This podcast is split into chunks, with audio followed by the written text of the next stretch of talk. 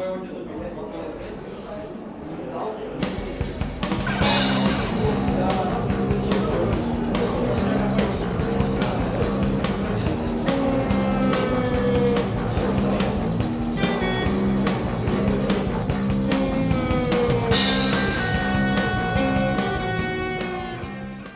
Zdravo svima, slušate još jedan Hupkast i pre svega želimo da vam se zahvalimo što nas slušate i pratite i što ste uvek spremni da komentarišete i da podelite vaša mišljenja sa nama. Naravno, najviše od svega što hoćete u pozorište i ovaj Hupkast posvećujemo pozorišnim festivalima.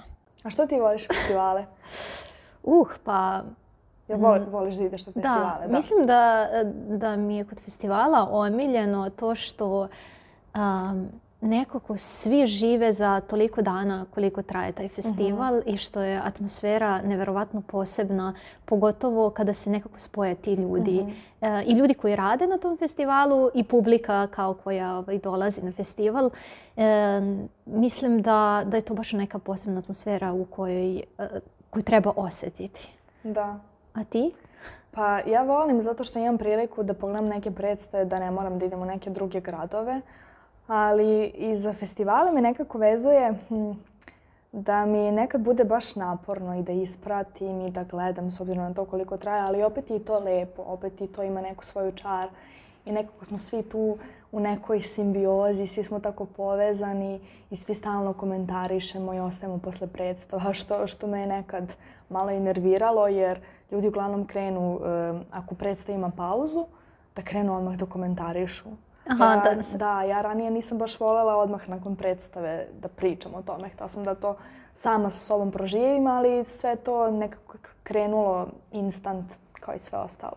Da, ja, meni je u stvari najdraži deo kada moram da idem negde na neki festival uh, van Beograda. Uh mhm. -huh. Pa nekad se to desi da bude jedan dan, ali onda ta atmosfera kad upadnem prosto u neko, yes. neto, neko totalno drugačije okruženje i onda shvatim koliko neki festival živi u nekom, ovaj, nekom gradu i koliko su ljudi posvećeni tome i onda uh, budem oduševljena što ima totalnu razliku, na primjer, od festivala u Beogradu ili Novom Sadu, da. gde je sve, da kažemo, uštogljenije. Ovde se osjećaš kao E, onako domaćinski prihvatate da. u potpunosti. Da, osjetiš malo i e, duh drugog grada i kako ljudi tamo funkcionišu. Da, tako da mislim da je INTEF e, ove godine na Mišoru baš mhm. bio onako e, da, tako da, domaćinski. Da, jedan dan, ja sam tamo bila sedam dana i to je kao u nekom, baš smo mi spominjali i članovi, i glumci, svi ostali, baš smo spominjali kao da smo u nekom realitiju, samo što nas niko ne snima. Da, prosto toliko intenzivno mm. bude. Da, mi smo posmatrali iz tog nekog drugog da. ugla, odnosno iz ugla toga, da smo došli kao gosti na jedan dan, da ispratimo tribinu, pa onda posle toga da gledamo da. predstavu i meni je onako baš prijalo cela ta, kao da mhm. kažemo, mini ekskurzija odlaska u, da. E, na neki festival. Ali baš je interesantno što e, kasnije... M, bude ti teško da se vratiš normalnom životu, jer ti u tom trenutku pauziraš svoj privatni život i sve svoje obaveze i kao kako se život nastavlja nakon ovoga. Da, i mislim da je to ovaj, baš jedna velika dragocenost da. Eh, festivala. A ovog puta, ove godine smo ih imali baš dosta. Jeste i upravo ovu epizodu Hupkasta posvećujemo festivalima koji su se održali u prethodna dva i po meseca, odnosno festivalima koji su bili u oktobru, novembru mm -hmm. i mhm. početkom uh, decembra. Uh, kada bismo krenuli da ih nabrajamo, ja mislim uh. da da, da bismo sigurno izostavili neki. Da. Tako da nadam se da nam neće zameriti ukoliko ovaj, izostavimo nešto što se održavalo u ovom periodu, jesenjem, najintenzivnijem periodu pozorišnih festivala. I za vas danas govore Aleksandra i Milica i preporučuje šta, preporučuju šta da gledate od predstava koje su se na ovim festivalima igrale. Od čega ćemo da počnemo onda? Mislim da je, eh, da bismo trebali da krenemo od 32.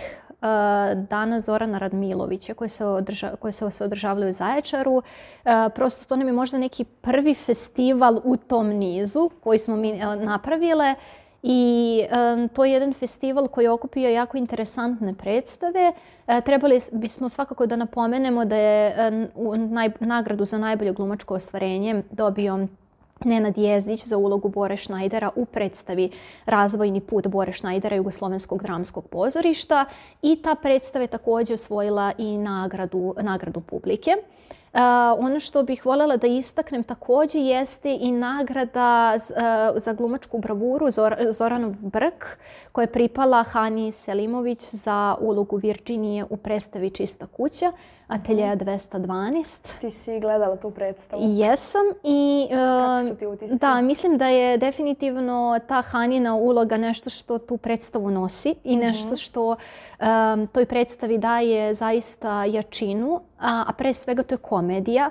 E, tako da je jedna od kvalitetnih komedija koje sam ja u posljednje vreme a, pogledala. To nije predstava koja opterećuje. Uh mhm. -huh. e, nije predstava koja nosi neku težinu sa sobom, ali Hanina uloga i njen način transformacije i ono što smo od Hane navikli vezano, vezano za glumu i to da toliko ume publiku da uvuče mm -hmm. u mhm. svoj lik i onda da tako prospe po, po sceni i da, eh, da nam prosto stvori neku, neku posebnu atmosferu. Mislim da je definitivno baš za tu, eh, za tu ulogu i zaslužila, eh, zaslužila ovu nagradu i mislim da treba da ljudi pogledaju mhm. ukoliko žele malo da, da, da uživaju i da prosto gledaju nešto laganije, a ponovo ne, naravno, isprazno, da, da. ne pričamo nečemu a, Baš sam to drugo. čula ovaj, u razgovor sa drugim ljudima koji su takođe gledali ovu predstavu, da je Hana totalno drugačija od svih onih predstav kojima smo navikli.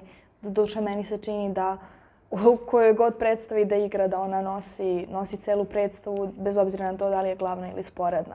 Jeste, da, da, i moj mm utisak to, ovaj, to definitivno. Mislim da je to prosto njeno, e, njeno e, da, da jednostavno to tako ume. Da. I to mislim da ne može drugačije da se, drugačije da se definiše.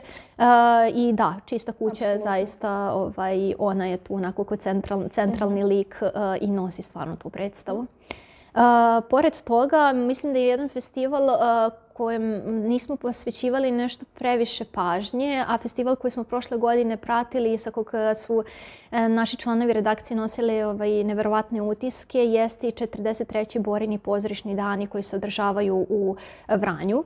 A, mhm. mislim da treba napomenuti konkretno za ovaj festival jeste da je po prvi put imao tu e, regionalnu selekciju. Uh mhm. -huh i da je to nešto što je donelo ponovo osvježenje samom tom uh, festivalu. Um, u, na tom festivalu za najbolju glumicu je proglašena Bojana Milanović uh -huh. uh, u predstavi kod, uh, kod Večite Slavine. Ti si da. gledala tu predstavu i rekla si mi da moramo o tome da pričam, pa me da. zanima zbog čega. Že? Apsolutno. Da, sad baš kad si spomenula te Borjane dane, e, prošle godine smo imali isto e, predstavu Sonje Petrović koja je ubio Janis Joplin, A pa ove godine smo imali njenu predstavu kod Večite Slavine, gde isto igra Bojka. Um, tu predstavu sam gledala na premijeri i gledala sam je na Sterinom pozorju i moram priznati da je dosta hm, nesvakidašnja u smislu um, muzika je m, hm, diktira tempo predstavi, ali ja kada sam čitala taj Nastasijevićev tekst, uh, pomislila sam, bože, kako će ovo neko da postavi, pošto sam tekst po sebi je nekako nije toliko prijemčiv, malo je hermetičan i dosta toga nije jasno u toku same predstave, on se na kraju sve razreši i onda nam postaje jasno, ali tu su glumci fenomenalni i potpuno mi je jasno zašto je Bojana dobila nagradu za tu ulogu. Mislim da je potpuno zasluženo i sama scenografija je tako... Mm -hmm. e, megalomanska i e, glumci su nekako e, totalno drugačije od onoga u, kako smo mogli da ih viđamo. Mm -hmm. Tako da... Meni se čini da, mislim, Bojana generalno što se tiče Novog Sada onako više puta je uh, u različitim Jeste. predstavama ostavljala poseban utisak. Pa koju još ti mhm. predstavu izdveš vezano za njenu, njenu glumu? Pa e, Bojana je, baš sam to spomenula isto u nekom tekstu što sam nedavno pisala, e, kakva god da je predstava, Bojana će biti fantastična u njoj i to je neosporno i čak mislim da je jedna od najboljih glumica e, u ansamblu Srpskog narodnog pozorišta, da je toliko požrtvovana i posvećena i da nijednoj ulozi ne pristupa u tom smislu da je odradi. Mm -hmm. Tako da njoj idu sve pohvale. Da, evo sad eh, već dve glumice hvalimo na samom, na samom ovom početku, ali ovaj, definitivno treba da spomenemo da je najbolja predstava Boranih pozorišnih dana a, eh, naš razred koji smo već mhm. spominjali više, a, eh, više puta. I ta predstava je osvojila i nagradu publike sa ocenom 4,94. Mm -hmm predstava Narodnog pozorišta u Beogradu u režiji Tanje Mandić-Rigonac. I ono što bih ja stvarno htela da napomenem vezano za ovu predstavu jeste da pored Borinih pozorišnih dana e, na festivalu Zaplet u Banja Luci je predstava osvojila čak četiri nagrade. I to su nagrade za najbolju predstavu, nagrada publike koja je takođe imala neku možda čak i veću ocenu, mislim da je 4,96 ocena visoko. bila. Da, Vučić Perović je e, dobio nagradu za najboljeg glumca i, i e, Jelena Blagojević dobila nagradu za najbolju mladu glumicu.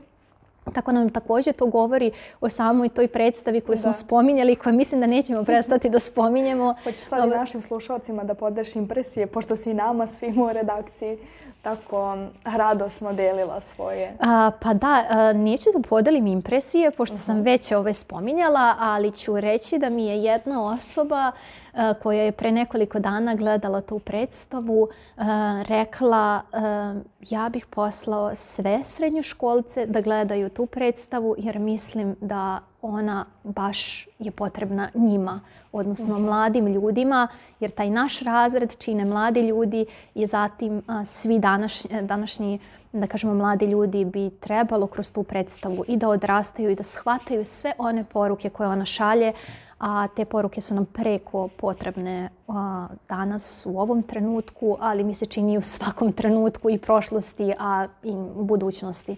Tako da, da mislim da ovaj, ta predstava definitivno zaslužuje ovaj prostor i nadam se da će još biti na, na sledećim festivalima koji će se održavati u narednom, narednom periodu. Apsolutno, znam da si i nama spominjala i na kraju smo otišli zajedno i rekla si da imaš tremu jer si nam je toliko hvalila i da li ćemo mi isto da je doživimo kako si je ti doživela. Ja moram priznati da isto skoro nisam pogledala tako, tako neku dobru predstavu i ono što me najviše fasciniralo u vezi sa samom predstavom jeste koliko su glumci povezani i uigrani i koliko su svi nekako kao neka četa.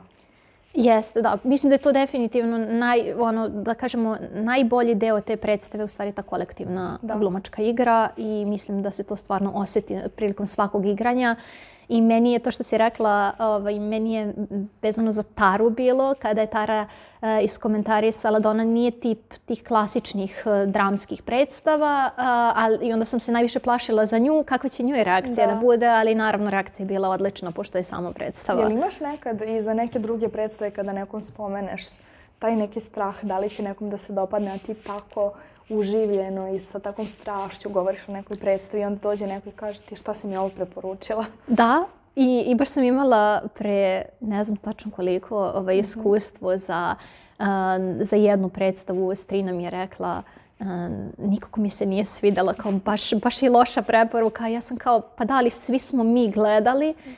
I kao, baš mi je čudno da ti se nije da. ta, predstava, ta predstava svidela, ali mislim naravno to je ponovo do različitog ukusa, ukusa ljudi. Mm -hmm.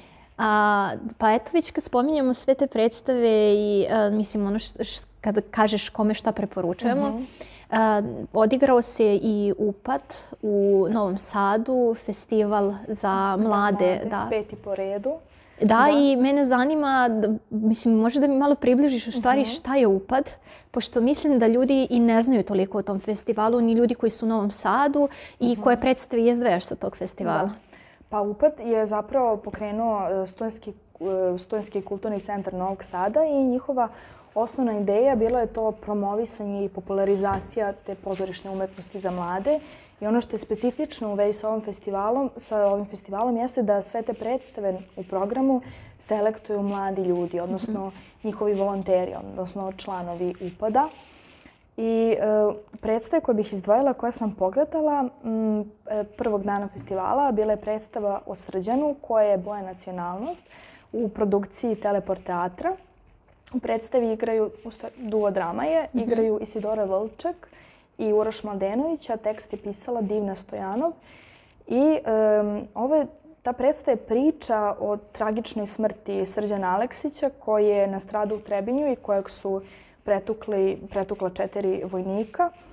I mislim da je ta predstava važna za mlade jer se dosta kod mladih pojavljuje taj motiv nacionalizma i šovinizma. Mm I mislim da je bitno da je pogledaju da bi osvestili da to zapravo nije nešto što je dobro. Mhm. I u vezi sa predstavom interesantno je što je postavljena tako e, intimno gde smo svi zapravo okruženi oko njih svih, nekako buhvatamo tako kako sedimo i čak malo i naivno izgleda s obzirom na to da su oni da im je od scenogra scenografija pesak i da e, se igraju sa tim nekim patkicama. Uh, kao neka dečija igra, ali zapravo je veoma, veoma jedna ozbiljna priča.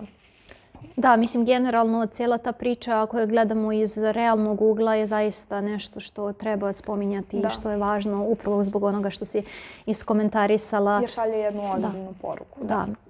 E, I druga predstava koju bih isto spomenula jeste Gideonov čvor e, gradskog pozorišta iz Bečeja. E, gde isto igra Bojana Milanović koju smo spominjali zajedno sa Simonidom Mandić i to je e, jedna duodrama. E, interesantno je postavljena s obzirom na to da s, kao da se nalazimo u jednoj učionici gde imamo i te školske klupe. A e, priča je e, u stvari sukob nastavnice i majke tog dečaka Gideona koji je, koji, nakon što je on izvršio samoubistvo i mislim da je predstava važna zato što baš govori o tom obrazovnom sistemu, koliko je zapravo um, taj sistem jedan koji najteže podleže promeni, koliko smo svi nekako učaureni u te norme, u taj sistem. I baš dok sam gledala predstavu, s obzirom na to da je sukob i one vode dijalog i raspravljaju se, da nisam, da nisam znala e, na čiju stranu da se zauzmem, za koga da se mhm. založim. Nekako u jednom trenutku jedna mi je u pravu, u drugom trenutku, u drugom trenutku mi je druga u pravu. I to mi je baš, nije mi se skoro desilo da, da ne znam. Uglavnom svi imamo momente da se zauzemo za jednu stranu, da biramo nešto shodno ličnim preferencama i predznanju, ali ovde, ovde je takav neki utisak da prosto, prosto ne znaš. I onda na kraju dođeš do, do zaključka da smo zapravo svi u pravu. Aha. Znači, to je, da, to da. je interesantno. Moram da spomenim predstavu Carstvo mraka, uh mhm. -huh. koja je baš primjer nečega gde ti ne možeš da se povežeš ni sa jednim likom, odnosno nemaš potrebu da se sa tim, mm -hmm. a, da se sa tim likovima povezuješ, već nekako su Niti ti da daleke. Da, da, jer su, e, strašni su, e, čine zločine i pokušavaš što više da se odalješ od njih, da ne bi pomislio da je to neka naša stvarnost koja u stvari jeste. Mm -hmm samo da. pokušavamo da je izbegavamo i da, da izbegavamo na taj način. Zato mi je ovo baš interesantno, to što se da spomenuo. Moram da se nadovežem kad si već spomenula Carstvo mraka, jer često volim da govorim o toj predstavi e, da nikad se nisam fizički loše osjećala. Ali nakon te predstave se osjećam fizički loše, osjećam neki bol e, u stomaku, ali je prijatan, ne znam kako da objasnim, kao uh, bukvalno mislim da se desi ta neka katarza i to neko pročišćenje.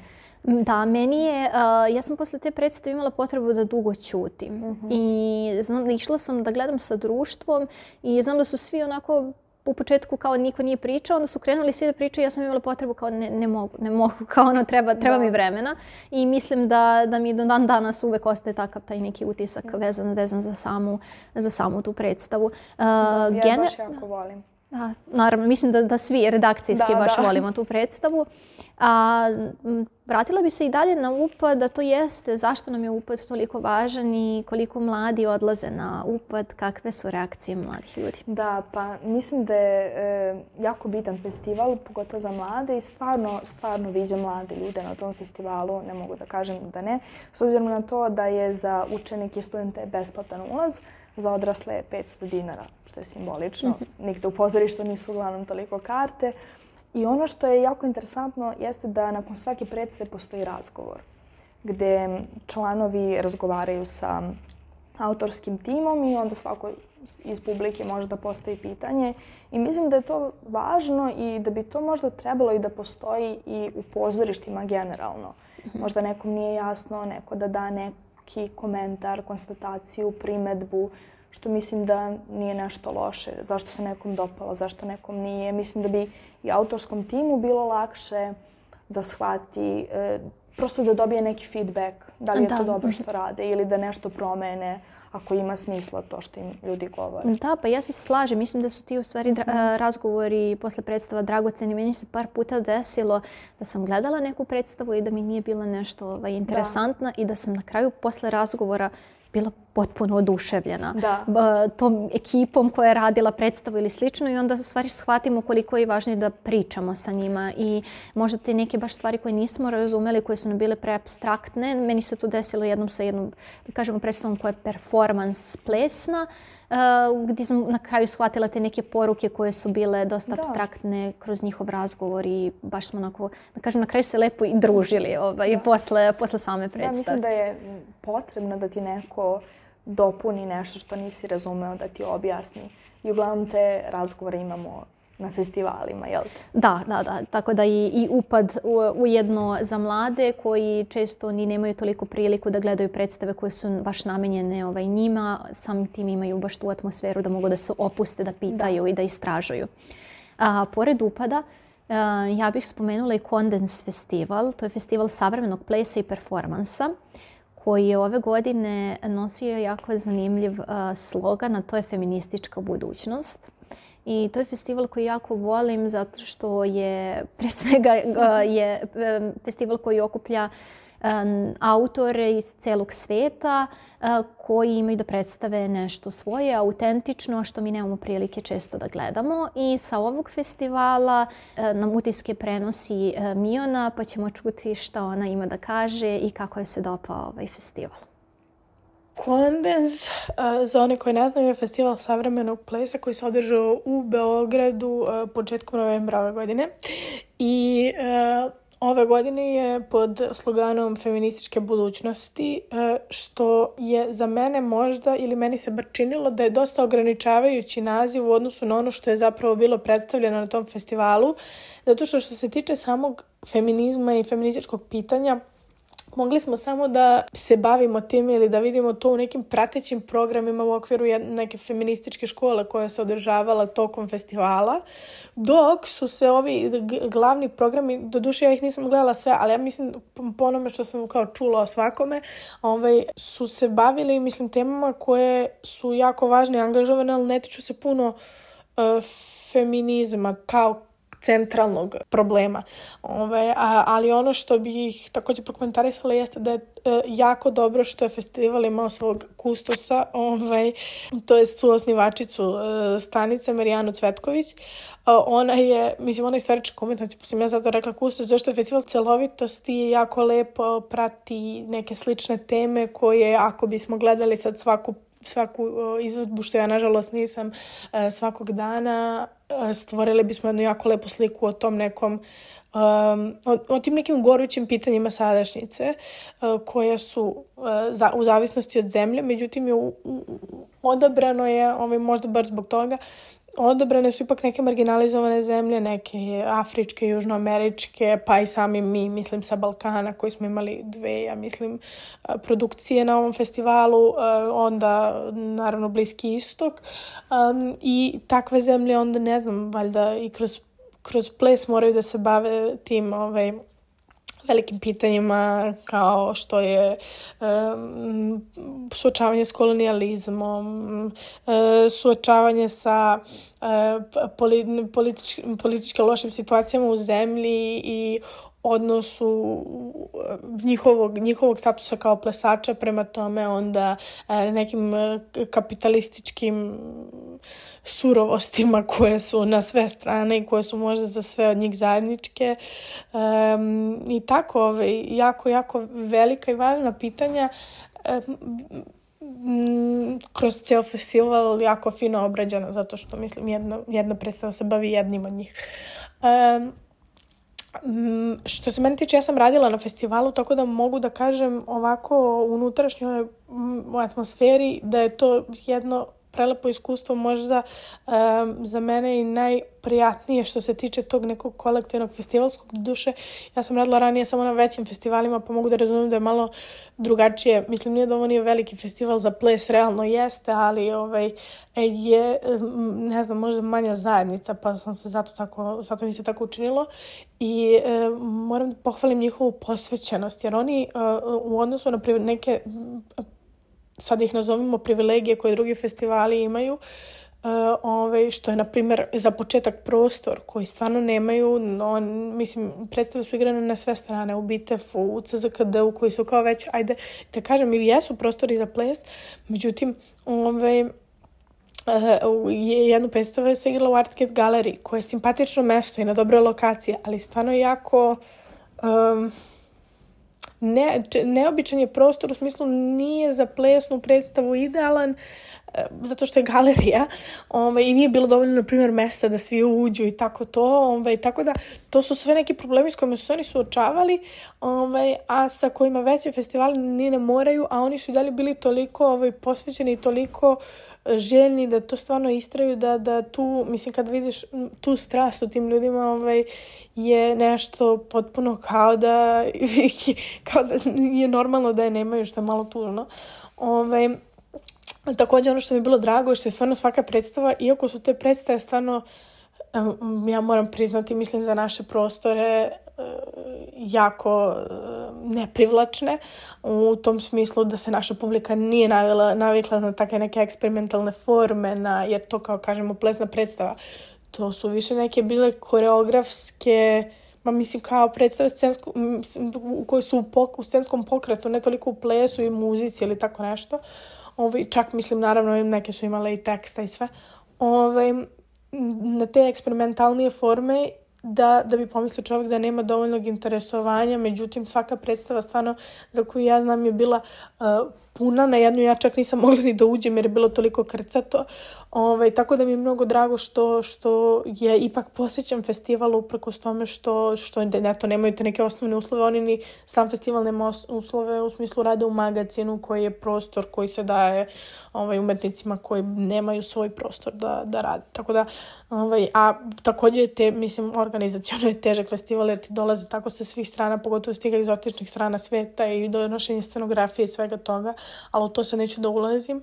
Ove, tako da ovogodišnji kondens ove, je bio jako, mislim, meni zanimljiv i interesantan i pozivam sve da se od iduće godine uključe i da dolaze i oni na, na kondens, kao ja, da podrže kondens kao jedan ovaj lepi i nesvakidašnji festival koji imamo i festival koji stvarno je um, iskreno u tome što radi i stvarno ovaj, zaslužuje i da raste i da se razvija i nadam se da hoće i, i da nastavi da se bavi ovim temama kojima se bavi i E, I takođe bih dodala samo e, da je festival, e, ulaz na sve predstave je besplatan, e, što ide u prilog moje teze da je stvarno iskreno tome u smislu da na, nije da priča o surovom kapitalizmu i onda naplati ulaznicu 3 do 4 hiljade dinara za, za izvedbu, znajući da, mislim, logično ovaj, publika nema i da umetnost treba da bude e, javno dobro, tako da e, svi su dobrodošli i to možda ovaj, je jedna lepa i pozitivna strana festivala koju takođe drugi festivali e, ne praktikuju, što opet ne okrivljujem, verovatno ne mogu, ovaj, verovatno nije, nije toliko jednostavno, ali eto, to je takođe ovaj, jedna divna strana ovog festivala. I treba da se vratimo i da spomenemo još jedan jako važan festival, a to je 28. Jugoslovenski pozorišni festival bez prevoda koji se održava u Užicu i festival koji ja na neki poseban način a, volim zbog samog naziva i festival koji je posvećen pre, predstavama iz regiona, odnosno zemljama, zemljama nekadašnje Jugoslavije i ove godine je imao interesantan slogan, slogan da. da, koji je nosio naziv... Nosio naziv Šta misliš o svome ocu i interesantno je što su zapravo ceo program koncipirali da svaka predstava e, govori o tom nekom odnosu sa ocem. Jeste i onda predstava koja je odnela najviše nagrada koja se zove Očevi i oci uh mhm. eh, -huh. Narodnog pozorišta u Beogradu u režiji Veljka Mićunovića. E, je predstava koja je osvojila zaista ovaj neverovatan broj nagrada i prosto otprilike da kažem obeležila sam festival.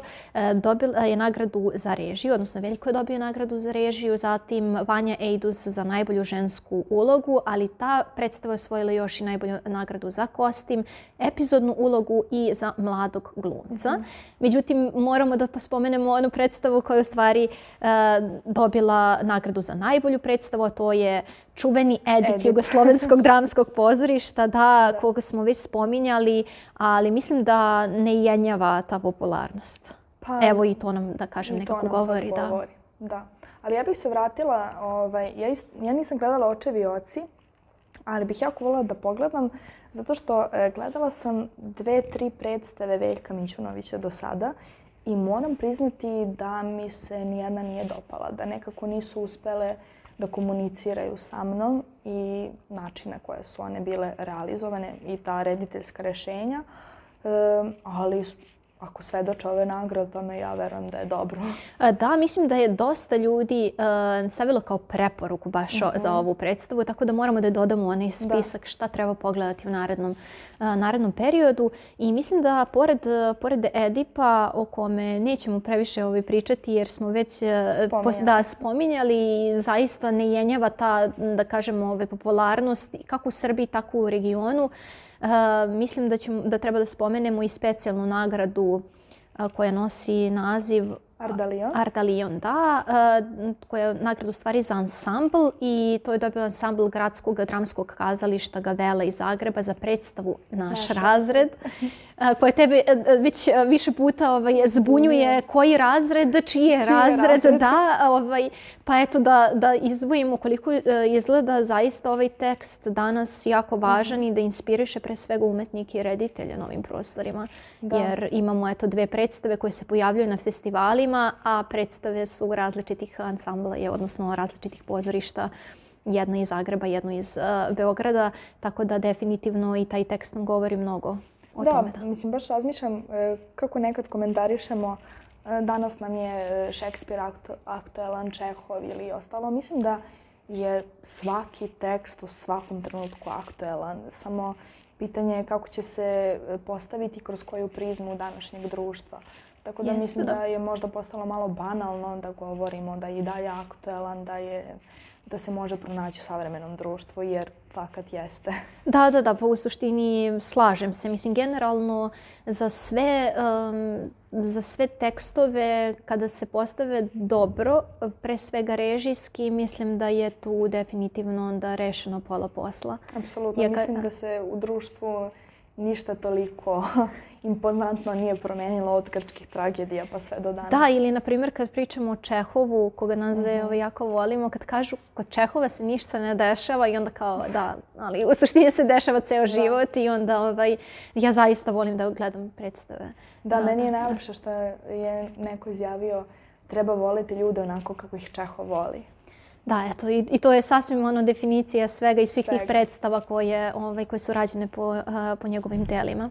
Slažem se. Da, ovaj, pored uh, ovih pomenutih festivala, mi smo imali još mnogo festivala i ja da. mislim da, da bi bilo ovaj, ružno sa naše strane da festivale, te neke festivale ne spomenemo. Uh, pa ću ja probati nekako onako hronološki da spomenem ovaj, mm -hmm. još neke koje nismo ispratili, ali se eto nadamo da ćemo u nekom, nekim narednim godinama imati prilike da ih pratimo.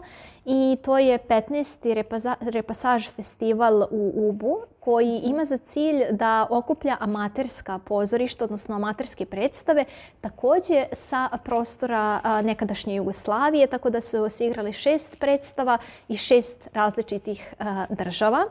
Takođe, ispraćen jednim delom i 23. Festić i 9. pozorišni Ringišpil, to su znači, dva festivala koje se održavaju u Lazarevcu to održavale su se ove godine u mhm. Lazarevcu. Zatim imali smo 16. mali Joakim u, uh, u Vranju i uh, festival koji je, da kažemo, mlađeg, mlađeg karaktera. To je šesti festival malih pozorišnih formi ponovo spominjemo Zaječar. Uh mhm. -huh. I to je festival uh, kome je najbolja predstava po, pograš, proglašena uspomene Sare Bernar u režiji Staše Koprivice. Međutim, jedna specijalna nagrada za autorski projekat za predstavu Milunka dobila je Vesna uh, Stanković. Stanković. Jeste, tako da je i to neki festival koji tek, do, da kažemo, e, kreće da se razvije i kreće da dobija na značaju ali festival koji smo ispratili i festival koji uvek onako privlači pažnju zato što koji je... intrigantan na da, neki način. malo alternativan, mm -hmm. festival koji nije potpunosti klasične, e, ne okuplja klasične dramske predstave. E, to jeste Desire u Subotici ove godine je 15. po redu ovaj, održan i mislim da taj festival uh, ili ga ljudi vole ili ga prosto ne vole zbog tog uh, kakve su u stvari predstave koje se na njemu pa, na njemu da isto i za Andraša što govorimo ili ga neko obožava ili prosto ne može da ga razume. Da, da, mislim da je to da je to prosto do to senzibiliteta kako se publika da. poklopi sa ovaj tim nekim možda malo specifičnim uh, pozorišnim izrazom. I na tom, na tom festivalu prikazi, e, to jest igrala predstava Deca iz Narodnog, mm -hmm. Narodnog pozorišta u Beogradu. Mislim da bi trebala da spomeneš e, da. malo vezano nešto za tu predstavu, jer si ti već i gledala i na sterinom pozoriju. Jesam, da. da. Pa ono što je dosta bilo onako frapantno mnogima u tom pozorišnom krugu jeste da predstava koju je režirala, jel te, i za koju je muziku radila Irena Popović-Dragović, E, da nije dobila nagradu za muziku. E, pa meni se dopala predstava, ne mogu da kažem da nije. A ja sam čitala roman pre mhm. toga i to je roman koji se čita u jednom dahu i baš sam razmišljala gde će sad, šta će ona uzeti odatle, koje delove će da izdvoji, izdvoje, prosto meni je to bila jedna celina i da sam ja, na primjer, radila, ja ne bih mogla ništa da, da izbacim. Sam je nekako imala tu neku vrednost. A moram da te prekinem, je li to uh mhm. -huh. ovaj, beše roman koji si čitala u vozu između u Subotice i Novog Sada, iz, da? Iz Sombora, od Sombora do Novog Sada. Do Novog Sada. Znam da, da. sam zapamtila da je to bio taj jedan proces putovanja u vozu, da. da, da. Zato što i roman kreće tako, nema nikakvih znakova interpunkcije, samo ide i ti samo nastavljaš i onda na kraju romana stoji tačka gde si završava. Tako da e, mislim da su glumci tu jako mm, jako u tome da, da kad smo ih čuli za neke smo pomislili oni zapravo jako dobro pevaju. Mm -hmm. e, I pokreti su im dosta dobri, taj senski pokret je dobar, ali... Da, to je radio, radio Igo, e, da, Igor, Igor Koruga, da. jeste, da. da. Ali m, mm, i u razgovoru sa ljudima, m, baš mi je rekla jedna drugarica koja je gledala sa mnom, ono obožava Milenu Marković, ali ta predstava nije ostavila nikakav utisak na nju. Čak neko misli da je to možda skrnavljenje, da možda nije trebalo tako da se Da, da ali da se ponovo postavi. ovaj, beogradska publika i ono što sam imala prilike da čujem, zaista neki su... E, komentarisali prosto da im je to najbolja predstava da. u, na primjer, u toj, toj sezoni jer su mhm. otprilike rekli stvorena je ta predstava i neće ni jedno biti bolje, bolja u toj sezoni. Da. da. Prosto mislim da i to ponovo sve zavisi kako se uh, E, kako je kome ukus e, vezan da, za, za te... Da, mislim da je i da. dobro i da postoji da se nekom i dopadne i ne dopadne. Da, pa mislim da, je, da to definitivno jeste u stvari čar pozorišta. Da. Uh, pa pre svega i ta predstava ne okuplja samo glumce. Da. Da, nego imamo i dečiji hor, imamo i operske pevače, da, tako da, da je... ansambl. Da, koji je ovaj, interesantan ponovo i na taj način, pored, ovaj, pored toga što nije klasičan, znači nije dramska da. predstava, da. to definitivno. Radila je Irena Popović-Dragović i muziku i režiju i onda je okupila u stvari jedan tako širok krug ljudi koji su uspeli ipak da, da taj, tu nekom svojom zajedničkom energijom prenesu, da. uh, prenesu atmosferu barem onu koja, ovaj, koja, je, koja je namenjena. Da, meni je u nekim momentima bilo eh, izuzetno emotivno, mhm. izuzetno katarzično. Mislim da je i kako je sama predstava išla i kako imala te neke amplitude, da je tako nekako i e, dirigovala sa mnom mm -hmm. na mhm. neki način, što mislim da je bila neka poenta. Poenta, da, u stvari da. svega. E, pošto spominjemo Irenu mhm. Popović-Dragović i znamo koliko, je, e, koliko radi u pozorištu i koliko da. često volimo baš muziku koju ona stvara za pozorišne predstave. Tu moram da se nadovežem, izvim što te da. prekidam. Da. E, kada sam gledala predstavu e, Bila jednom jedna mhm. zemlja, mm -hmm. Kokana Mladenovića, E, mislim, Kokan i Irena su često sarađivali na predstavama i baš njena muzika stvarno nekako potpuni čitavu predstavu i baš sam primetila da mi je to sada falilo u ovoj predstavi.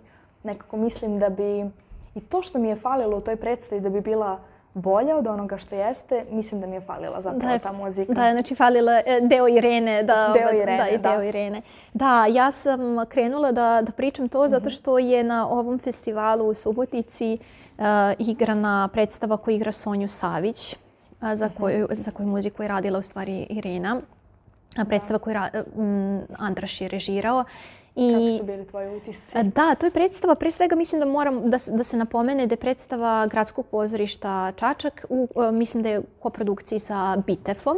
Uh, ili, da, Ali u sve u svemu e, predstava koja je pre svega imala premijeru u Čačku, što mislimo da je možda i najznačajnije jer je sama Sonja Savić iz, iz tog da. grada i da je taj grad, e, odnosno glumci e, koji su deo tog pozorišta su podarili svom gradu predstavu koja govori o jednoj jako važnoj ličnosti tog grada. Znamo da su tu bili razni sporavi, da li Sonja treba da dobije ulicu, da li je ona mhm. eminentna ličnost za tako nešto što i kakva je njena prošlost eh, i da li treba da, znači, da neko prolazi i da čita da, je to, eh, da ta ulica nosi naziv po njenom, njenom imenu. Mislim da je bilo i nekih, nisam sigurna, ali možda i nesuglasica u vezi sa samom predstavom, da li će se realizovati ili ne. To ne znam. Eh, realizovala se jeste. jeste. Ja sam gledala Beogradsku... Ima svoj festivalski život. Da, i ja sam gledala premijeru u Beogradu.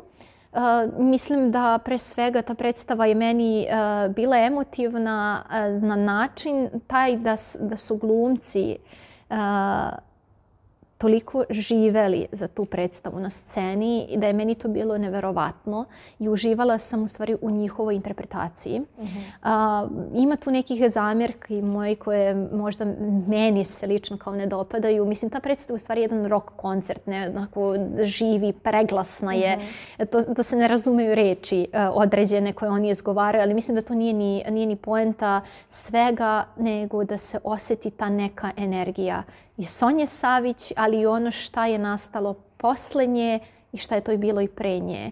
I ceo taj neki, na neki način te ispovesti uh, glumaca su neverovatne. imate neki dokumentarni narativ? Pa u suštini nema, možda ima u nekim, u nekim delovima, fragmentima, ali zaista nije, uopšte nije bila poenta u tom dokumentarnom da. ovaj, narativu, što je meni možda i sjajno, jer prosto uh, samo želi da se prenese ta prava energija. Um, imamo jedno to istupanje uh, jednog glumca, odnosno Voštinića, uh, gde je to, da kažemo, istupanje uh, kada prestaje ta muzika, kada nastaje tišina i on iznosi svoju jednu intimnu priču na sceni koja prosto onako ne, ostavlja takav utisak da, da, da ne možeš da, da se oporaviš posle, posle toga i onda posle nastaje Lično ponovo muzika. Lično ili iz ugla Sonja Savić? A, ne, on to iz ličnog. Iz uh mhm. -huh. ličnog ugla, ali a, e, naravno ponovo uz poređenje sa Sonjom Savić, likom, njenim delom i uopšte, da kažemo, tom energijom koju ona nosila, nosila sa sobom. Tako da. da ovaj, mislim da je prosto uh, taj, to njegovo uh, istupanje na sceni i način na koji on uh, priča, mhm. odnosno mm pripoveda publici je nešto što je onako mislim da nas sve ostavilo baš. A s obzirom na to da si gledala predstavu, um, da li misliš da si dobila odgovor na to pitanje? Ako tu uopšte možemo da postavimo kao pitanje ko igra Sonju Savić ili tu uopšte nije u toj formi pitanja?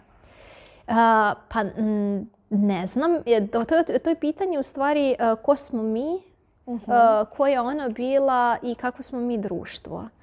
Um, I to je, mislim, da uvek ta različitost ili neko istupanje mm -hmm. iz tih mhm. nekih uh, okvira, da, uh, to nikada nije dobro. I da je to prosto jedna priča o svima nama i o tome kako se odnosimo uh, prema nekome dok je, uh, dok je, da kažemo, tu, dok stvara, a kako onda šta nastaje kada ta osobe, te osobe više nema. Da. Odjednom ta osoba postaje toliko popularna, postaje neka ikona, a, uh, mislim da kažemo glumačka u ovom smislu, a pre toga niko nije mario za tu osobu. Da. I mislim da je to u stvari ključ. Što je ključ malo cel... tužno. Mm, jeste, a mislim da, da to zaista primećujemo generalno i kod ljudi, ali i u tom nekom svetu, da kažemo i poznatih, da se prosto desi kada neko ovaj, ode, da onda na kraju o njemu pričamo sve, sve, sve najbolje, najbolje daj, da, da, da, da, i tako neke stvari. Da. Tako da mislim da ta predstava zaista ima i tu jačinu ovaj, po sebi, tako da ko vole onako baš neki pravi rock koncert da uži, uživa da. u mhm. muzici koje naravno bubnjevi su tu glavni u centralnom, centralnom delu, mislim da bi mu predstava zaista ovaj, se dopala. Mene je sad malo inspirisalo da pogledam, iako nisam neki fan Andraša ih predstava, ali zašto da ne? Da, mislim da treba da se pogleda u stvari da se vidi kako jed, e, jedna glumačka ekipa koja nije brojna na sceni, e, kako živi tu predstavu i koliko ta predstava njima zaista znači. Mm. I to se za, onako osjeti. Mislim da je to da, stvarno pa onako... Da, pa sve se vidi na sceni. Jeste i nešto što je baš dragoceno. Tako da ovaj, mislim da, e, da definitivno svakako treba gledati različite, različite forme da. pozorišnih predstava, ne onako ustaljeno šta mi samo, samo volimo. A sa ovog 15. Dezirea utiske nam prenosi e, Lidija, tako da ćemo čuti kakve su, e, kakvi su njeni utisci sa svih ovih predstava i šta se nju izdvojilo kao najbolje na ovom festivalu. Ono što sam ja primetila još pre dve godine kada sam imala priliku prvi put da ispratim Desiree festival u celosti, jeste da je sve kod njega jedinstveno. Dakle, mi imamo publiku koja je dosta raznovrsna, koju čini dosta mladih ljudi, što čini mi se nije slučaj sa beogradskim premijerama. Ono što hoću da kažem je da mislim da subotička publika drugačije doživljava zahvaljujući naravno e, direktoru e, festivala e, i reditelju Andrašu Urbanu. Naravno da nije jedini u tome, ali iskoristit ću priliku da pomenem njega jer mislim da zaista zasluža za to. Dakle, subotička publika drugačije doživljava pozorište od beogradske. Čini mi se da je njima to nekako kao odlazak u bioskop, dakle nekako mnogo, mnogo bliže, mnogo drugačije prosto. Pa i sama kultura ponašanja nakon predstave je drugačija. Tu su naravno aplauzi koji jako dugo traju, Ovac je takođe, ali nema ustajanja. Daleko od toga da je izostanak takve reakcije kod publike znak da predstava nije dobro prošla, odnosno da nije dobro prihvaćena upravo suprotno, mislim da su sve bili izuzetne i za svakog je bilo po nešto, ako mogu tako da kažem. E, kako je u pitanju festival internacionalnog karaktera, e, bilo je izuzetno zanimljivo e, gledati i slušati predstave na različitim jezicima, uglavnom zemalja iz regiona. Naravno, sve su bile titlovane, a jedna od njih posjeduje i sposobnost da ruši tu jezičku barijeru. E, u pitanju je predstava Andraša Urbana e, Poetika ćutanja i ona je svoju premijeru imala zapravo e, prvog dana festivala. Još ću pomenuti i predstavu o kojoj su moje koleginice već pisale kao potencijalnom kandidatu za predstavu godine. Reč je o predstavi Deca Narodnog pozorišta u Beogradu. Režiju potpisuje Irena Popović, rađena je po romanu u stihu Milana Marković. Vraćamo se takođe i na Parobrod. To je festival koji traje treću godinu za redom, ponovo jedan mladi festival e, koji okuplja predstave koje nisu toliko popularne mm -hmm. i to je mhm. meni onako e, jako zanimljivo mm, jer često na tom festivalu vidimo neke naslove ili predstave za koje niko nije čuo. Niko nije čuo da. da.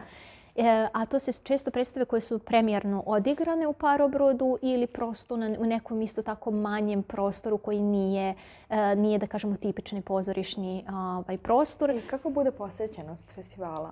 Pa bude da, fina, fina uh mhm. -huh. posjećenost. Mislim da festival upravo živi, ima tu da kažemo intimnu atmosferu jer to nije velik, e, veliki prostor u kome se održavaju te predstave i mislim da će nam najbolje o tome svedočiti Maša koja je ispratila jedan deo ovog festivala tako da ćemo čuti i njene, njene utiske. Od 20. do 26. novembra pratili smo festival Parobrod. Ovo je treće izdanje festivala – i otvoreno je igrokazom pod nazivom Plovidba. A, meni se ovaj igrokaz izuzetno dopao jer je jako zanimljivo preispitivanje života, čovekove uloge um, i puta nekog životnog i vidi se da je izuzetno ličan projekat u pitanju Fedora Đorovića, koji i igra Mornara u predstavi, odnosno čoveka mladog, ambicioznog, koji želi da kroti talase, da bude uspešan, da plovi uvek, što kasnije shvati da nije moguće, jer život nije tako lako savladati kako mu se učinilo. Ono što mi se najviše dopalo jeste to što u trenucima kontemplacije on pribegava uh, gitari i pribegava pisaćoj mašini. A, tu su jako lepi vizuali, jako je lepa muzika i muzička pratnja, zaista zaokružuje ceo, ceo utisak um, i da, u suštini govori o tome da je umetnost jako zdrav i oplemenjujući medijum za pokušavanje razumevanja um, sveta oko nas i sveta u nama, pre svega. Ja sam takođe gledala i predstavu koja se igrala druge večeri. U pitanju je sastanak na slepo. Igrali su Milena Đorđević i Predrag Kotur. A, jako je zanimljiva sama forma jer je reč o kafe teatru koji nije toliko zastupljen kod nas i no, ovaj publika sedi u kafiću sa svojim prijateljima, pije piće i za okolnim stolom sedi par koji se raspravlja. Tako da sama ta ideja da publika prisluškuje svađu ovaj, para jeste jako zanimljiva i neobična i jako se dopala publici i po reakcijama je bilo jasno da je um, uspela u toj ideji da bude i duhovita i da bude i neobična i da isprovocira. A ono što je možda još zanimljivije jeste to što se na kraju predstave uh, pred eh, publiku pojavljuje, to jest pred publikom se pojavljuje um, psihoterapeut i svi zajedno analiziramo to što smo videli i trudimo se da dođemo do odgovora, šta je to moglo bolje i eto, to neko razmišljanje koje uglavnom ostavljamo za kasnije ili ga odlažem u potpunosti, pošto sam sigurna da ima dosta ljudi koji kad odgledaju predstavu ni i razmišljaju o tome šta su gledali, a, nego eto, ovaj, odu kući kao da se ništa nije ni desilo. Ova predstava za to ne ostavlja prostora i to mi se jako dopalo što, što smo odmah suočeni sa, sa tim što smo videli i odmah treba da donesemo neke zaključke. Sve u svemu, od Parobroda 3 nisam znala šta da očekujem, jer nisam prisutovala prethodnim izdanjima festivala, ali sudeći po ovom, izdanju verujem da ću prisustovati Parobrodu 4, pre svega da bih videla eto šta to novo može da se desi u pozorištu, na koji način sve može da se postavi predstava i da se ispriča priča, jer znam da, da neću doživeti klasično pozorišno iskustvo, već nešto potpuno drugačije, što će me naterati da preispitujem koje su granice ljudske kreativnosti u pozorištu. I poslednji u nizu, festival koji definitivno moramo da spomenemo, a to je festival koji se prvi put održava ove godine. Znači još jedan u da. moru ovih festivala, da, je, da, jesenjih, jesenjih više, da. ovaj, da. festivala, jeste uh, Reflektor Reflektor festival koji se znači, ove godine održava prvi put i to je festival koji je namenjen eksperimentalnim, političkim i uh, političnim, ja se izvinjam, da, političnim i inovativnim formama u pozorištu, a koje su ponovo namijenjene više za mladu publiku nego za, za stariju publiku. Tako da donekle imamo poveznicu sa, da, sa, upadom, što da. je ponovo dragoceno u smislu da se, e, da se dešava i na Reflektor festivalu imamo brojne, eh, brojne predstave, takođe eh, predstave koje su regionalnog karaktera, odnosno mhm. predstave iz Bosne i Hercegovine, Hrvatske i Srbije. Igraće se jedna predstava eh, koja je dugo, dugo na repertoaru, ne znam koliko se puta, da, tako je, omiljena predstava naše, naše koleginice Tare, da, da, koja će verovatno ovaj, nešto sigurno ispričati o toj predstavi. Meni da. se čini da je ona tu predstavu odgledala deset puta. Moguće, i da, mislim da je obožava. Da, tako je. Mene se mota da kažem, ja nisam ni jednom. Nisam ni da. pogledala, ali sve se nadam da, da će da će možda i doći do Novog Sada. Da doći do Novog Sada, da, i da, će im, da. da ćemo imati priliku da, ovaj, da gledamo. Ali mene zanima kakav je tvoj neki taj celokupni utisak, pošto eto festivali se nižu, završava se da. polako sezona, uh, sezona festivala, na to da. mislim, polako se i završava uskoro i godina. Uh, I kakav je tvoj taj neki opšti utisak generalno vezano za ove festivale, uh, za, ovu, za ovu sezonu, za početak uopšte ove sezone, odnosno znači od septembra do da. sad?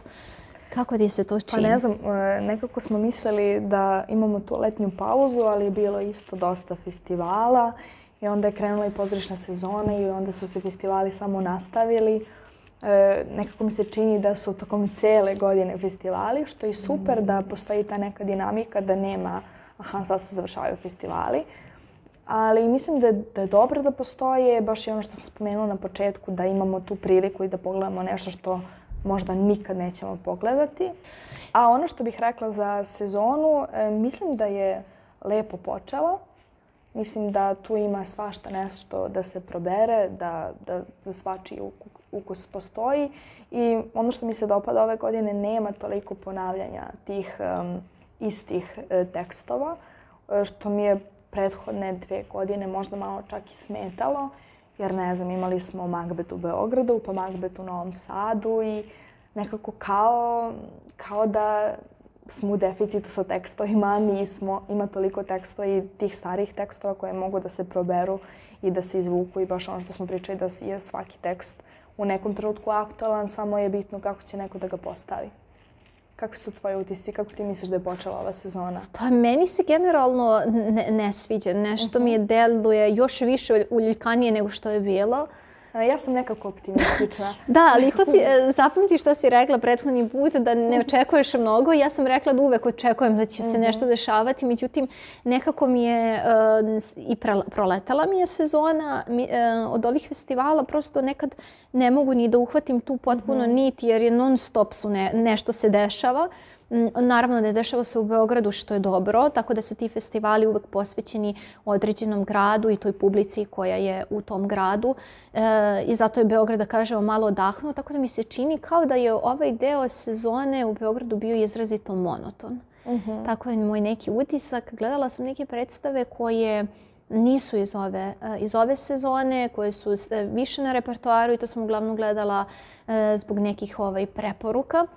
Tako da mislim da prosto m, mm, na neki način uh, pozorište stagnira i mhm. nadam se da će iskočiti, da će se malo desiti neka osveženja u narednom, u narednom periodu, barem da. kada pričamo o Beogradu. Da. Mislim, moram reći da ti razumem jer ja nekad kada vidim neki naslov i kada vidim ko će, ko će da postavi predstavu, isto stvarno dosta očekujem.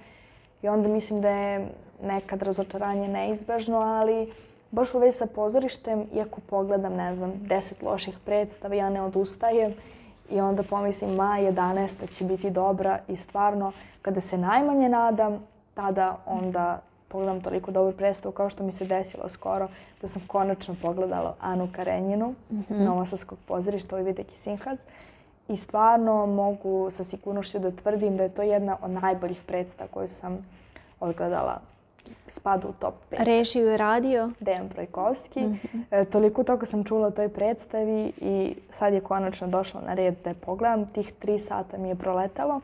I ono što mi je interesantno, e, kada je bila pauza između, između prvog i drugog dela predstave, e, s obzirom na to da oni imaju e, titel na srpskom, ali su bacili i na ruskom.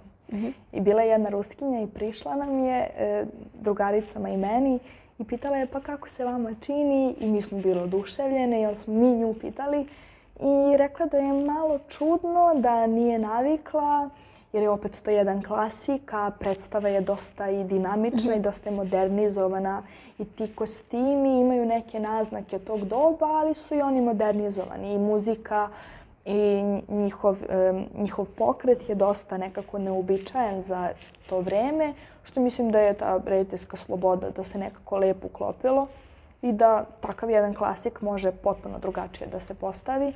Tako da je bilo dosta interesantno mm -hmm. i mhm. ona baš kaže da ni te likove nije tako nekako toliko opušteno zamišljala. Da, mislim da je u stvari to čar eh, režije Prekovskog. Da, da, da, da, apsolutno, jer i te njegove uh, E, scenografije su uvek tako megalomanske, ne znam, u jednoj predstavi Derši smrt smo imali konja na sceni, orla, pa onda i skupljače perja je nedavno radio u Srpskom narodnom pozorištu. Da, mislim da to definitivno treba da spomenemo jer je da. to predstava koju smo iščekivali, odbrojavali da, da, pre, do premijere koliko će biti. Da. da. I onda šta se desilo sa tom predstavom i kakvi su tvoji utisci, kakvi su utisci publike? Uh, Pa da, ja sam stvarno bila oduševljena. Meni se jako dopala. Mislim da je to i ono što govorimo lične preference i da ja stvarno e, gotivim Trojkovsko kao reditelja. Jer e, nekako mislim da se on vodi tom mantrom da on smatra da nije pametniji od svoje publike. I da u tom smislu i pristupa tako da apsolutno svako može da razume, a nije na uštrb kvaliteta predstave. I e, nekako mi se čini da mi uvek... E, na kraju stalno nešto poredimo. I s obzirom na to da skupljači perja, mislim da su mnogi poredili sa filmom, pogotovo sa Bekimom Fehmijom. E, I da su možda neki očekivali da će to biti na tom nivou, ali mislim da je nekako ne fair i nezahvalno očekivati i nadati se da će biti tako, jer je ovo potpuno jedan drugi žanr. E, meni se predstava dopala, ali nisam sigurna da je u tom nekom krugu pozorišnih kritičara dobro, dobro prošlo. dobro mhm. prošlo, da nisu dobro reagovali, baš iz tog istog razloga e, što su A kako je publika reagovala, pored samih kritičara? Da li? Pa ja verujem da, da je publika dobro reagovala i mislim da će stvarno ova predstava naći put do publike, jer je tako nekako i zabavna i mislim da je baš, baš sam sa nekim razgovarala da uh, takva predstava je potrebna Srpskom narodnom pozorištu, jer su oni glavnom imali dosta tih drama postavljenih da je falilo malo te šarenolikosti, te mhm. da, neke Da, videla sam u stvari da kakvi da. su kostimi, kostimi su neverovatno da. onako šarenoliki, baš to Jest. što... I onda sad mislim da se i moj utisak malo kako prolazi vreme i kako čujem te druge utiske da to moje oduševljenje malo polako spada. Aha. Iako ne bi trebalo da drugi reaguju. Onda sam, nije baš fenomenalno da sam tako oduševljena kao recimo Anom Karenjinom, ali svakako mislim da vredi da ali da se pogleda. A ta predstava ima malo neku formu mjuzikla, ako sam pa dobro da... Pa da, zapravo da. jeste, mm. jeste. Ali mislim da je fali dosta songova da bi bilo u toj bilo formi u konceptu. Mm -hmm, da. da.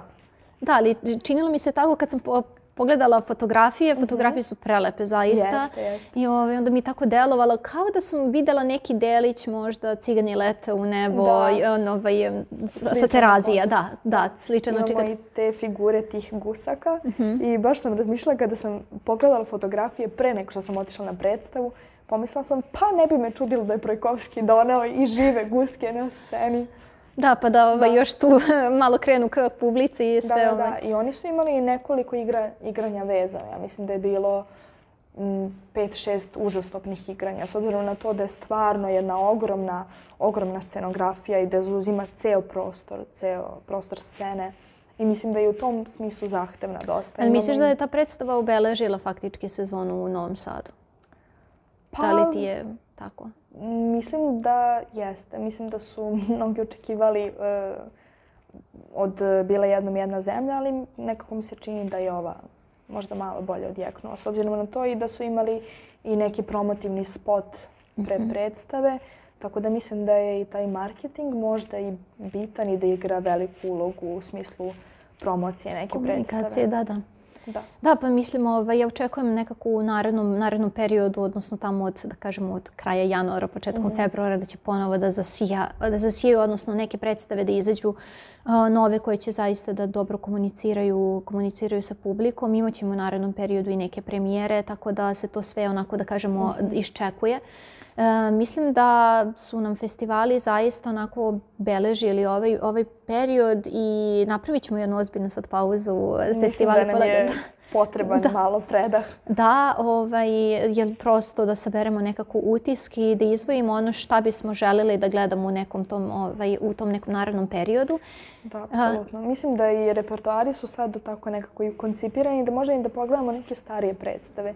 Mislim, mi često govorimo o novim predstavama i o premijerama, ali zaista primetila sam da kada odem na neku predstavu koja postoji, ne znam, dve, tri godine i na repertoaru je da je ta predstava nekako stasala i da je saživela i da su nekako glumci mnogo konforniji u toj predstavi nekako da bolje vladaju scenom i, i svime. Jel ti se dešava da često ideš na predstave da ih gledaš uh, više puta? Pa koje mi se dopadnu, da. da. I šta ti... si gledala, da kažem, više puta da bi izdvojila?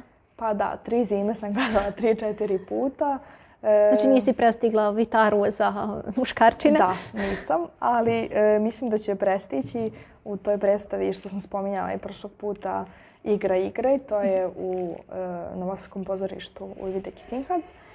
I ne znam, gledala sam sigurno još nešto, ne sećam se sada. A ti, jesi se vraćala neki? Uh, sad baš razmišljam, uh, mislim da jesam, ali ne, uh, ne toliko često.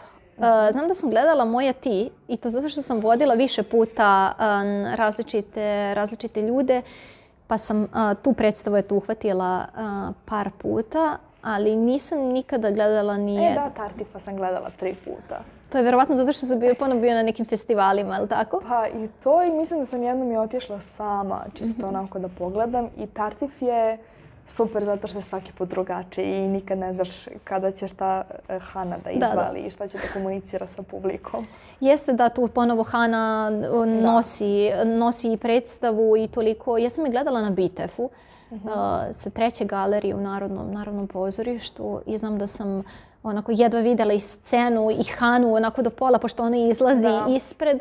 Ove, ovaj, znam da smo se svi naginjali da vidimo ove, ovaj, kako će da bude. Jel ti je važno gde sediš u pozorištu? Pa mislim, ako gledamo iz, iz tog konteksta, u Narodnom pozorištu je stvarno treća galerija nešto najgore što možeš sebi da mhm. priuštiš. Iako sam birala treću galeriju kada sam bila srednjoškolka, jer mi je to bilo pristupačno. Tada su karte koštale, mislim, 100 ili 200 dinara, mhm. pa si mogao da sediš ili da stojiš. Sad sam malo postala onako, da kažem, Kritičnija. Pa da, da, jeste. I nekako uljuljkanije, pa tražim da mi bude to sve super, da sedimo na nekom, o, na nekom dobrom mestu, uh mhm. -huh. da mi je tu bli, blizu ovaj, scena, da ja to osetim onako baš pravo. I e, baš sam pričala sa Bogdanom. E, Bogdan e, je uvek komentariše taj treći red. To je njemu, ovaj, naš, kao treći red, pa se tu bira određeno sedište koje on uzima. Pa tako često kada idemo zajedno, zajedno u pozorište, onda kao bilo bi dobro da da je treći da, da, red. Da. da, da, da, kao imamo tu neko. Tako da, da, ovaj, stvarno sam primetila da mi u posljednje vreme da. zaista važno gde sedim. Jel ti je jeste, da? meni jeste. Mislim, sve zavisi kako je sala, ali jeste mi važno i bitno mi je da sam negde na sredini. Baš, baš želim nekako da imam jednu sveobuhvatnu sliku i jako volim da su mi glumci blizu, da mogu da vidim i njihove mm, facijalne ekspresije i da vidim tu emociju koju, koju prenose. Da, i na primjer naš razred smo gledale sa, e, sa balkona, sa da, balkona da, da, ali da. i nije bilo toliko, toliko da, strašno. Da, zapravo da. možda malo drugačiji ugao, ali nije, nije Znaš što je meni interesantno kod, u tom delu, zato što smo sedele sa strane, uh -huh. uh, onda smo videle jednu stranu koju inače kada sediš u centru ne vidiš toliko dobro da. ovde, a onda smo drugi deo nismo uopšte videle jer prosto da. sa te strane su nam bili, ovaj, bili glumci. Tako da, ovaj, da ima sigurno i do toga da, gde sedimo i ali šta ćemo da primetiti. Ali e, eh, tvoj pogled svuda negde skreće pa ćeš uvek negde nešto videti, nešto ćeš da izostaviš.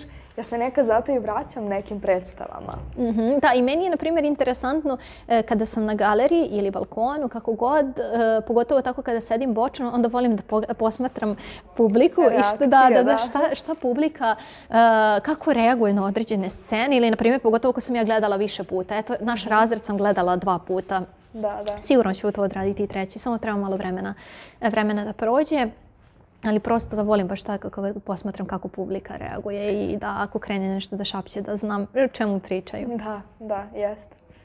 Tako da ovaj, mislim da možemo i polako i da završavam ovaj razgovor jer je Sad toliko... Sad smo otišla u neku drugu da, krajnost. Da, ali mislim da je to sve jako, jako, jako dragoceno. Da, da, i mislim da, da prosto E, sve to što smo ispričale nekako, e, da kažem, e, zaokružuje priču o tom pozorištu i šta mi volimo, mhm. šta mi volimo u pozorištu. A opet ima vezi sa tim festivalima što smo spominjale. Da, upravo tako, jer se često na festivalima baš dešava da ne možemo da nađemo dobro mesto, da nekad i nemamo mesta, već sedimo u prolazu. Ili stojimo, Ili stojimo, recimo. naravno, ali to ali, su baš ti moj, da. te čari festivala, odnosno te atmosfere da ti želiš da gledaš nešto, pa sad nema veze kako, iz, ko, iz koje, da će to biti udobno ili neće biti udobno. Važno je da u stvari živimo tu, tu predstavu i da, da zaista ispratimo sve što se na njima da, dešava. Da, i baš je ono što, e, opet se vraćam na Projkovskog, ali on, kada smo radili intervju, on je spomenuo nekako ovde ljudi gledaju e, da je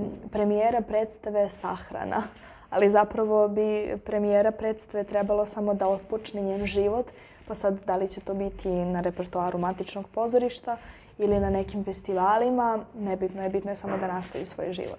Da, i to je u stvari, uh, volimo one predstave koje traju godinama, a ne one koje su za jednu sezonu i koje više nema, jer to i samim tim govori mnogo o tim predstavama. Apsolutno mislim da ovo je jedan lep zaključak. Jeste tako i drago nam je da nas slušate, da nam pišete, da nas podržavate za ovaj Hupkast i slušamo se nekom narednom prilikom ponovo da pričamo o pozorištu i pišite nam šta biste voleli da slušate u narednim našim epizodama.